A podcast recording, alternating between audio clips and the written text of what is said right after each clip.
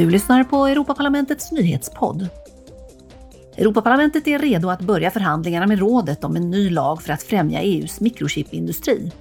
Syftet är att säkra EUs försörjning av dessa små tunna halvledare genom att öka produktionen och innovationen och se till att vi kan hantera akuta brister. Målet är att öka EUs andel av den globala produktionen med 20 procent. Under plenarsessionen krävde ledamöterna att EU skulle ratificera Istanbulkonventionen om att förebygga och bekämpa våld mot kvinnor.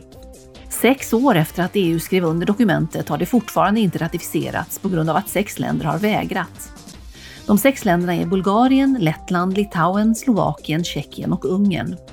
2021 slog dock EU-domstolen fast att EU kan ratificera konventionen utan att alla medlemsländer är överens. I EU har var tredje kvinna utsatts för fysiskt och eller sexuellt våld. Igår antog parlamentet en resolution om EUs strategi för att få människor att cykla mer. Ledamöterna krävde särskilda cykelvägar, cykelställ och minskad moms för att stärka EUs cykelindustri och underlätta den gröna omställningen. Janis Lenarcic, kommissionär ansvarig för krishantering, sa Cycling presents a huge potential for climate att ta cykeln kan bidra stort till att minska klimatförändringarna och är ett alternativ till motorfordon, inte minst i städerna.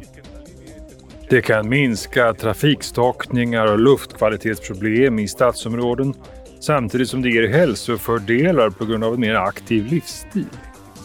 Dessutom är det ett billigare transportsätt.